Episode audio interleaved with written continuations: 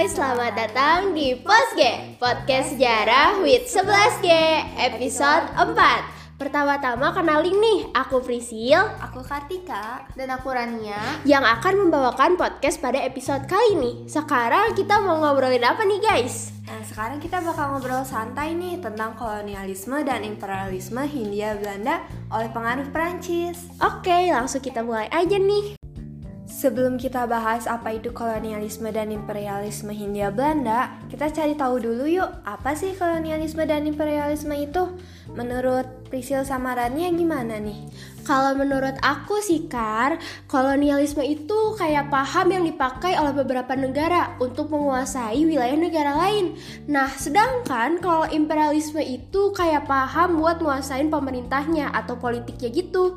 Kalau menurut Rania gimana? Jawaban aku sama sih Cil, bener banget, aku setuju. Aku mau nambahin nih, dalam imperialisme juga ada yang namanya imperator tahu. Imperator itu berarti orang yang memerintah atau orang yang memiliki kekuasaan. Contoh yang paling dekat sama kita itu ketua murid. Kenapa ketua murid? Soalnya dia yang memiliki wewenang untuk mengatur kelas. Nah, kalau ketua murid kita lagi minta tolong kita buat lakuin suatu hal, berarti dia lagi ngelakuin imperialisme. Gimana? Kalian setuju nggak? Setuju. Wow, penjelasan Priscil sama Rania gampang banget ya dimengerti. Nah, kita bisa ngambil kesimpulan nih bahwa kolonialisme itu adalah paham untuk menguasai wilayah, sedangkan imperialisme itu sendiri adalah paham untuk menguasai suatu pemerintahan. Dan ada imperator dalam imperialisme, yaitu orang yang punya kekuasaan buat merintah. Wah, ternyata keren juga ya kolonialisme sama imperialisme. Aku jadi penasaran deh. Sebenarnya kolonialisme sama imperialisme itu punya hubungan gak sih? Biar aku jawab ya, Cil. Ada tahu. Jadi kolonialisme itu kayak 11-12 sama imperialisme. Soalnya mereka punya tujuan yang sama, yaitu ngebuat negara sendiri jadi makmur, tapi negara orang, orang lain yang mereka jajah jadi semakin menderita. Jahat banget gak sih? Aku mau nambahin nih, aku setuju sama Rania karena pasti ada hubungannya. Karena biasanya negara yang mau ngejajah tuh bakal nguasain wilayahnya dulu. Nah, setelah wilayahnya dikuasain, mereka bakal pelan-pelan berusaha menguasain pemerintah negara yang di pemerintahan negara yang mereka jajah. Wah, berarti ternyata kolonialisme sama imperialisme itu mirip-mirip ya. Dan ternyata kalau suatu negara mau ngejajah negara lain biasanya mulai dari kolonialisme dulu. Terus pelan-pelan ke imperialisme. Lumayan jahat juga sih menurut aku. Iya Cil jahat banget. Jadi serem banget ini Kan tadi kita udah bahas imperialisme tuh. Kalian tahu gak sih bentuk sama tujuan imperialisme itu apa? Aku masih bingung. Tahu dong, imperialisme itu ada beberapa bentuk sama tujuannya. Yang pertama ada imperialisme politik yang tujuannya menguasai sebuah sistem politik dalam suatu negara. Contohnya tuh kayak negara Commonwealth. Kalian tahu kan, negara persemakmuran Inggris itu loh. Tahu lah ya. Dan ada sebanyak 52 negara yang gak bebas milih sistem politiknya sendiri karena mereka dipimpin sama Ratu Elizabeth dengan sistem komando. Nah, terus yang kedua ada imperialisme ekonomi. Tujuannya untuk mengambil keuntungan sebanyak-banyaknya dari sumber daya alam dan sumber daya manusia negara yang dijajah. Contohnya tuh kayak VOC di Indonesia itu loh. Hmm, aku setuju banget nih sama contoh yang tadi udah disebutin sama Kartika. Aku juga mau nambahin nih, ada juga yang namanya imperialisme budaya yang merupakan sebuah paham untuk menyebarkan budaya imperator secara paksa ke imperiumnya. Contohnya nih, kayak yang dilakukan Jepang yang memerintahkan negara jajahannya untuk menyembah Amaterasu Amikami atau Dewa Matahari. Terus selanjutnya itu ada imperialisme militer guys Imperialisme militer itu kayak paham yang menggunakan kekuatan militer untuk mendapatkan wilayah jajahannya Contohnya ini pasti kalian udah tahu Kayak Israel yang mengambil wilayah Palestina secara perlahan-lahan Wow, makasih Priscil udah nambahin jawaban aku Nah, kita kan sekarang udah ngebahas tentang imperialisme dan kolonialisme. Nah, berarti sekarang teman-teman udah pada ngerti kan apa itu imperialisme dan kolonialisme itu? Nah, kalau gitu kita bisa bahas tentang imperialisme dan kolonialisme Belanda oleh pengaruh Perancis nih. By the way, kalian tahu nggak cerita tentang revolusi Perancis? Oh, aku tahu nih, Kar. Jadi, revolusi Perancis itu terjadi pas tahun 1789. Revolusi ini tuh terjadi gara-gara rajanya nggak bener. Dia menyalahgunakan kekuasaannya gitu. Jadi, rakyatnya itu pada menderita kalau kalian mau tahu nih nama rajanya, itu Raja Louis ke-14, ke-15 sama ke-16. Kebayang nggak tuh rakyatnya menderita selama tiga generasi? Aku sih nggak mau kalau hidup jadi rakyatnya. Nah, untungnya nih, dengan adanya revolusi ini, rakyatnya itu bisa menggulingkan Raja Louis ke-16 dengan cara yang sadis tentunya, yaitu kepalanya dipenggal di depan umum. Tapi sih menurut aku, rajanya deserve sih digituin, soalnya dia udah nyiksa rakyat kecil dengan cara nagihin pajak dengan uh, harga yang tinggi.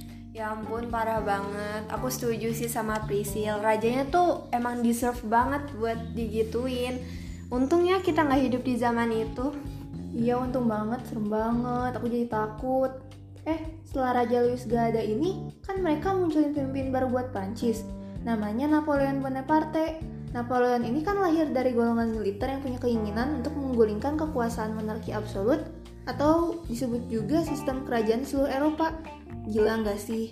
Yang artinya ngejadiin seluruh negara Eropa itu jadi mengguna yang ngegunain sistem itu jadi musuh. Terus Napoleon ini ngangkat saudaranya yaitu Louis Napoleon jadi Raja Belanda.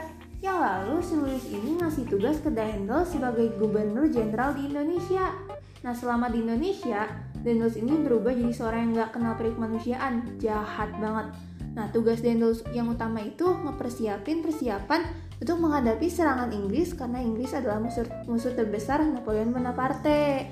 Oh, tunggu, tunggu, tunggu. Kamu tuh tadi sempat mention Daniels ditunjuk jadi gubernur jenderal di Indonesia ya?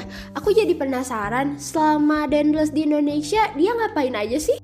Nah, aku tahu nih, soalnya aku pernah baca. Jadi, selama Dendes di Indonesia itu, dia ditugasin buat ngeberantas korupsi di VOC. Nah, dia tuh ngancem dengan hukuman yang berat supaya para koruptornya itu jerah. Nah, terus dia juga ngebagi Pulau Jawa menjadi sembilan keresidenan, juga menyatakan bupati sebagai pegawai negeri yang diangkat pemerintahan di Batavia.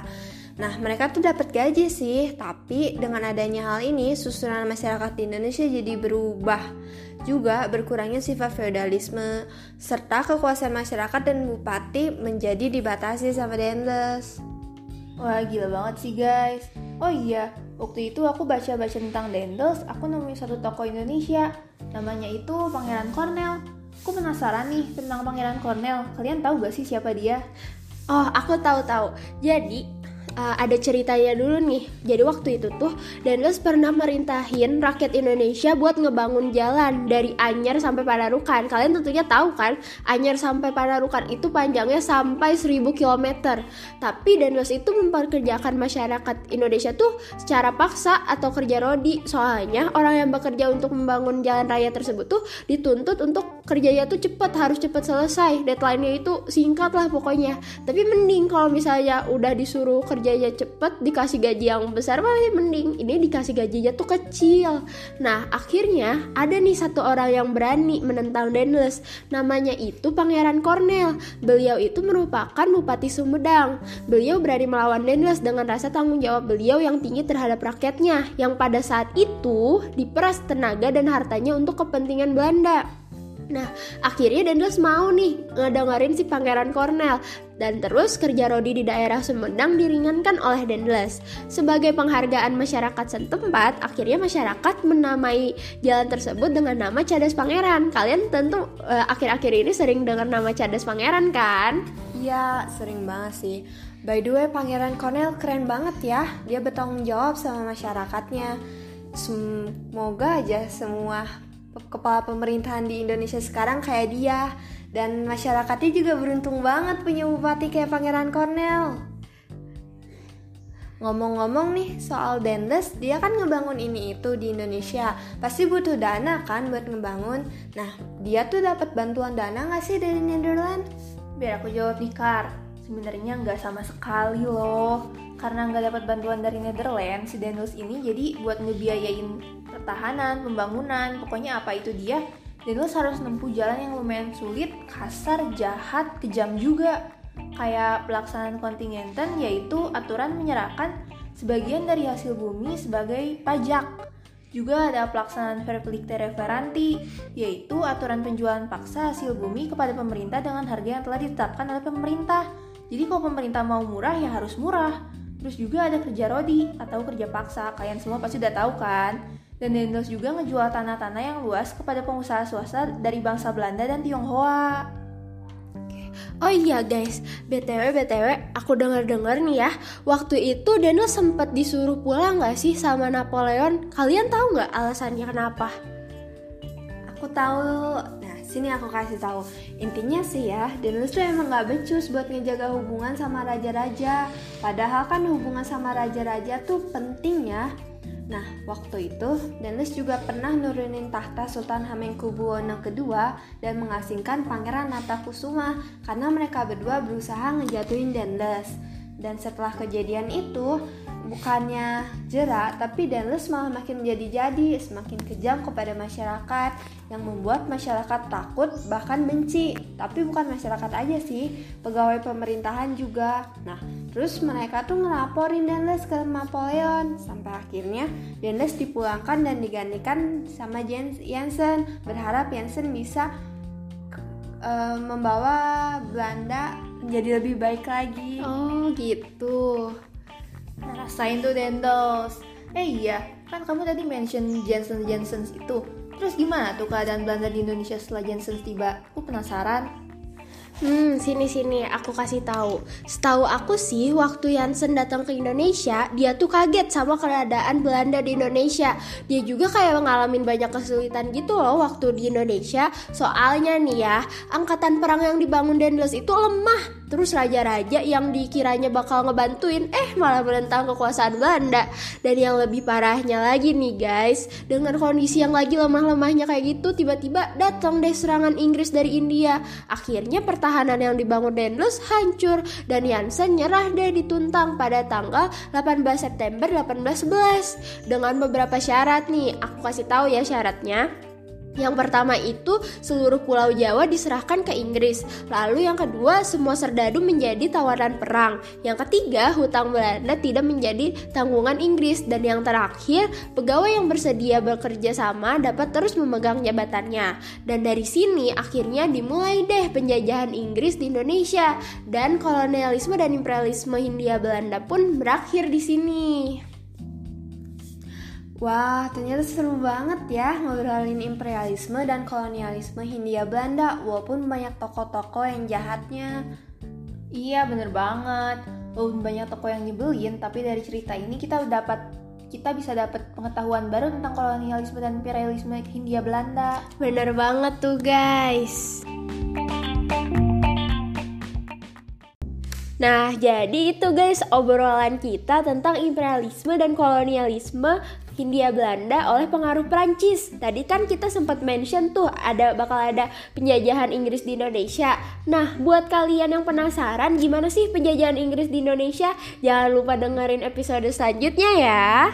Oleh karena itu, saya Prisil, saya Kartika, dan saya Rania. Pamit undur diri ya. Bye. Bye.